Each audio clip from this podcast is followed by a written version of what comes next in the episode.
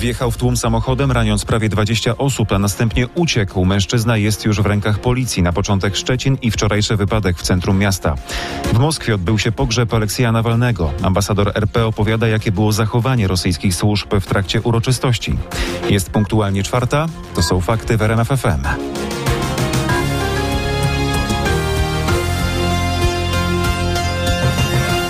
Po dramatycznym wypadku w centrum Szczecina 19 osób jest rannych. Po południu samochód wjechał tam na przejście dla pieszych oraz chodnik. Potrącił znajdujące się tam osoby. Kierowca od razu uciekł, ale udało się go zatrzymać kilkaset metrów dalej. Nasza reporterka Aneta Łuczkowska podsumuje, co wiemy teraz po tym wypadku. Dwie osoby są w stanie ciężkim, ale stabilnym. Pozostali poszkodowani mają mniejsze obrażenia. Wszyscy trafili do trzech szczecińskich szpitali. Kierowca bordowego Forda trafił natomiast do policyjnej izby zatrzymań. To 33-letni mieszkaniec Szczecina. Policja potwierdziła moje nieoficjalne informacje, że mężczyzna miał problemy psychiczne od czterech lat. Miał leczyć się psychiatrycznie.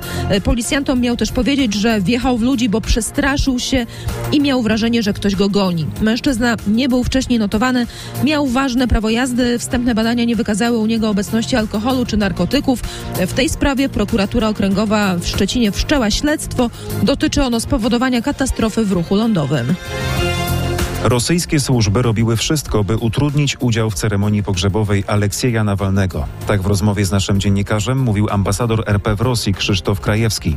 Jak informowaliśmy Was w faktach, w uroczystościach w Moskwie wzięły udział tysiące osób. Niestety robiły służby wszystko, aby ograniczyć dostęp y, poprzez bardzo wąskie przejścia, y, wąskie furtki, ale ci, którzy byli zdeterminowani, przetrwali, wyczekiwali i oddali hołd Aleksiejowi Nawalnemu. Czy zaobserwował pan y, jakieś działania aktywne służb mundurowych, czy to raczej była taka, czy takie y, no, działanie, żeby tylko utrudniać, blokować? Przede wszystkim utrudniać, panie redaktorze, również udokumentować obecność tych, którzy przyszli pożegnać Aleksja Nawalnego.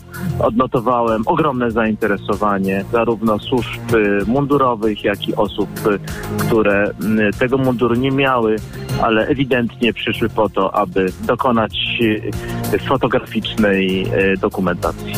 Usłyszał od Krzysztofa Krajewskiego nasz dziennikarz Krzysztof Zasada. Polski dyplomata przyznaje, że nie udało mu się wejść do cerkwi. Dopiero na cmentarzu borisowskim oddał hołd i złożył kondolencje rodzinie Nawalnego.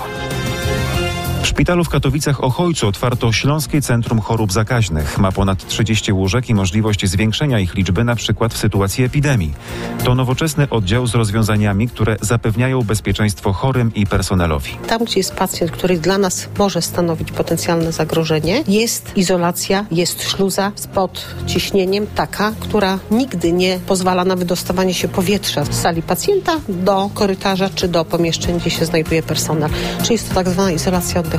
To jest coś, czego nam brakowało w trakcie pandemii. Myślimy cały czas o COVID-zie, ale to jest szereg innych chorób. Jakimi chorobami pacjenci tutaj będą trafić? No, mamy problemy z bakteriami wielolekoopornymi. Mamy teraz narastającą liczbę przy, przypadków odry, zapalenia opon mózgowo-rdzeniowych i mózgu. Posocznice, sepsa to jest problem, który również zakaźników bardzo męczy. No i pamiętajmy o tym, że to jest oddział również hepatologii. Mamy zakażenia wirusami zapalenia wątroby typu B, typu C, mamy koinfekcje z HIV, także no tutaj katalog jest olbrzymi. Będziemy starali się pomóc jak największej ilości chorych. Usłyszała Anna Kropaczek, a mówili dr Beata Celińska i profesor Śląskiego Uniwersytetu Medycznego Jerzy Jaroszewicz. To specjaliści chorób zakaźnych. Słuchaj, to są fakty w RMFFM. Polsce zapanowała moda na gry planszowe. Grają nie tylko dzieci i młodzież, mogliście o tym usłyszeć w faktach przed godziną. Taka forma spędzania wolnego czasu jest jednak bardzo popularna również wśród dorosłych. W Krakowie trwa festiwal i targi gier planszowych Book Game. Jakub Róg ze stowarzyszenia Gralicja w swojej kolekcji ma aż 750 tytułów. O swojej pasji opowiedział naszej dziennikarce Marlenie Chudzia. Posłuchajcie. Co jest takiego magicznego w grach planszowych, że one jakoś są nieśmiertelne. Przede wszystkim nieśmiertelna jest interakcja między ludźmi. W związku z czym planszówki dostarczają nam tego, że możemy być ze sobą razem. No i to jest jedyna i niepowtarzalna rzecz, której nie zapewnia, nie zapewnia żadna prawie inna rozrywka, nie? To się chyba w okresie pandemii trochę zmieniło na plus, że przypomnieliśmy sobie o takim sposobie spędzania czasu. Zdecydowanie. No właściwie to, że mieliśmy lockdown i nie mogliśmy wychodzić na zewnątrz, powodowało to, że ludzie szukali, jak być ze sobą razem w środku. No a planszówki dostarczają takiej okazji do tego, żeby właśnie być bliżej siebie, znaleźć jakiś cel w tym, co mamy, mm, w tym czasie, który mamy spędzić razem. Jest moda, e, jeśli chodzi o planszówki. Chodzi mi o to, co jest teraz popularne, w co się grywa. No i tu już właściwie trzeba by wejść w to, że mamy całą szeroką gamę gier planszowych i właściwie grywa się we wszystko, czyli od gier, które są stricte kooperacyjne, w których razem gramy przeciwko grze, do gier, które są stricte sałatkami punktowymi, gdzie każdy z nas ciupie sobie i zdobywa coraz więcej punkcików, żeby wygrać. Natomiast no, ten świat jest tak bogaty i dostarcza tak wielu różnych rzeczy, że możemy zrobić właściwie wszystko w nim. Jakie umiejętności rozwijają grę? Cała szeroka baza. No przede wszystkim krytyczne myślenie, kreatywność i, i właściwie taką twórczość, bo, bo wiele gier planszowych obecnie już jest takimi grami, które dają nam przestrzeń nie tylko do tego, żeby poznać reguły, ale żeby też te reguły w jakiś tam sposób mm, eksplorować, do, zdobywać nowe, nie? Jest bardzo popularny taki tryb teraz gier Legacy, gdzie gra się zmienia w trakcie, czyli odkrywamy kolejne części reguł, kolejne partie, więc co chwilę gramy tak naprawdę w nową grę. No właśnie, bo są takie gry, które w 5 minut możemy zagrać, e, a są takie gry, które potrzebują najlepiej to wielowieczorowej rozgrywki. Tak, zdecydowanie. No właściwie znowu mamy gry, które zagramy szybciutko, na przerwie, nawet w szkole, a są takie gry, których rozgrywka trwa grubo ponad 6 godzin, albo trwa nawet 3 tygodnie, bo gramy jakąś kampanię, gdzie z tygodnia na tydzień odkrywamy kolejny świat. Jesteśmy przed szkołą, a pan jest nauczycielem. Gry są atrakcyjne dla dzieci? Tak, no trzeba przyznać, że przeszliśmy już od takiego momentu, w którym gry były wydawane dla dzieci i były mało atrakcyjne, bo dzieciaki łatwo wychwytywały, że to jest a, to chcecie nas czegoś nauczyć pod płaszczykiem tych gier, a teraz y, jest tak, że gry są tak atrakcyjne, tak ciekawe i tak interesujące, że dzieciaki nawet nie wiedzą, że się czegoś uczą przy okazji grania w gry. Co by na przykład pan mógł polecić dla takich rodziców, którzy by bardzo chętnie odkleili swoje dzieci od komputera, no i chcieli zaproponować coś w zamian, bo w momencie, w którym walczymy z komputerem tak, że nie graj, to to nie działa. Ale jak zaproponujemy coś interesującego, to może zadziałać. No tu byśmy musieli się ograniczyć do jakichś kategorii wiekowych, bo dla każdej grupy będzie coś innego. Okej, okay, zacznijmy od takich 7-8-latków, bo tutaj już bywają problemy z zbytnim przywiązaniem do komputera. E, no to być może na start lisek urwisek, po to, żebyśmy się nauczyli też grać, e, znosić dobrze porażki bo jak gdyby dzieciaki mają z tym też trudności na samym początku. A to jest taka gra, w której gramy wszyscy razem przeciwko grze, więc albo wszyscy razem wygramy, albo wszyscy razem przegramy. Dzięki temu uda nam się zbudować w dzieciach takie poczucie tego sprawstwa, tego, że, że w tych planszówkach to chodzi o to, żebyśmy nie tyle wygrali, co żebyśmy stawali się coraz lepsi. No i to jest taka na, na początek. Natomiast takich gier jest bardzo dużo. My to, my, my gicy nazywamy je getawayami, czyli takimi grami, które wprowadzają świat planszówek. Na pewno słuchacze znają Doble, które jest wszędzie i, i, każdy już je ma, a to też jest planszówka. Oczywiście mm, ktoś mógł powiedzieć gra karciana. No my wszystko te, wszystkie te gry, typy gier wrzucamy do jednego. Nie? Starsze dziecko, no taki już nastolatek.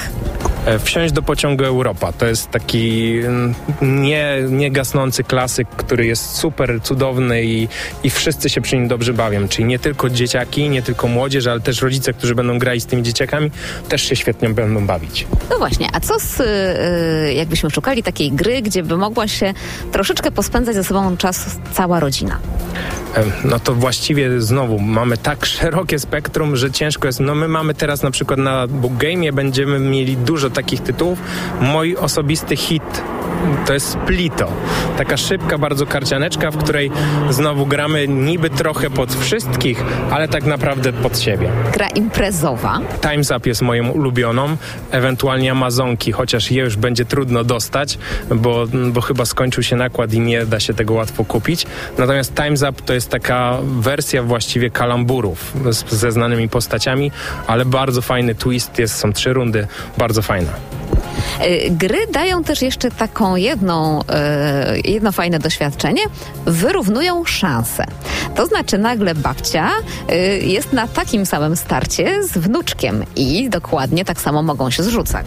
Tak, a właściwie można by powiedzieć, że nawet niejednokrotnie dzieci są w lepszej pozycji niż my dorośli, ponieważ na przykład, no właśnie, ich koncentracja, ich spostrzegawczość, ich e, takie naturalne elementy tego, żeby em, dostrzegać pewne zależności, są lepsze niż nas, niż nas dorosłych. Natomiast faktycznie, jeżeli chodzi o to, że uczymy się gry razem, zaczynamy w nią grać razem, to wszyscy mamy ten sam start. I to faktycznie wyrównuje szanse. A czy gry, które no, mają jakoś zawoalowaną tą werst- warstwę edukacyjną, y, są równie atrakcyjne? Tak, znaczy ja bym chciał, żebyśmy my w ogóle jako nauczyciele, jako ludzie przestali myśleć o grach edukacyjnie w sensie takim, że gra ma mnie dokładnie czegoś uczyć. Czyli na przykład wezmę grę, która uczy dziecko liczyć do 100. Bo wtedy dziecko się zepnie w sobie i ono nie będzie chciało grać w tą grę. Ale jak na przykład weźmiemy taką grę Zeus, to właściwie w niej dziecko musi dodawać do 100, ale absolutnie nie traktuje tego jako ed- edukacyjnej, jako czegoś, co ma mnie czegoś nauczyć, tylko ono de facto gra w grę, a przy okazji się uczy pewnych umiejętności. No i to jest najpiękniejsze obecnie w grach. Ma pan czas, żeby jeszcze samemu pogrywać trochę? W przerwach między uczeniem się kolejnych gier na wydarzenia zdarza nam się z żoną w coś zagrać, owszem. Natomiast no, trzeba powiedzieć sobie szczerze, że też jak gdyby moja kolekcja ma aż 750 tytułów, w związku z czym granie w nie, no to właściwie można powiedzieć sobie szczerze, że nawet jakbym chciał zagrać w nie wszystkie w ciągu roku, nie ma szans. No i w trakcie grania na pewno można choć na kilka chwil zapomnieć o tym, co nas smuci, martwi czy niepokoi. To też wydaje mi się dużym plusem planszówek. Skupienie tylko na rozgrywce. W faktach o piątej o walce rządu z e-papierosami, a także o tym, o ile wzrosną emerytury. Mamy marzec, czyli czas waloryzacji. Radio, muzyka, fakty. RMF FM.